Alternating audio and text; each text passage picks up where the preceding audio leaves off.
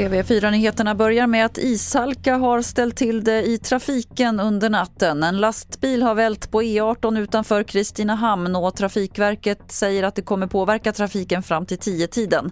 I Jönköping krockade en lastbil med polis och räddningstjänst när de jobbade vid en olycksplats. Det finns inga uppgifter om allvarligare personskador.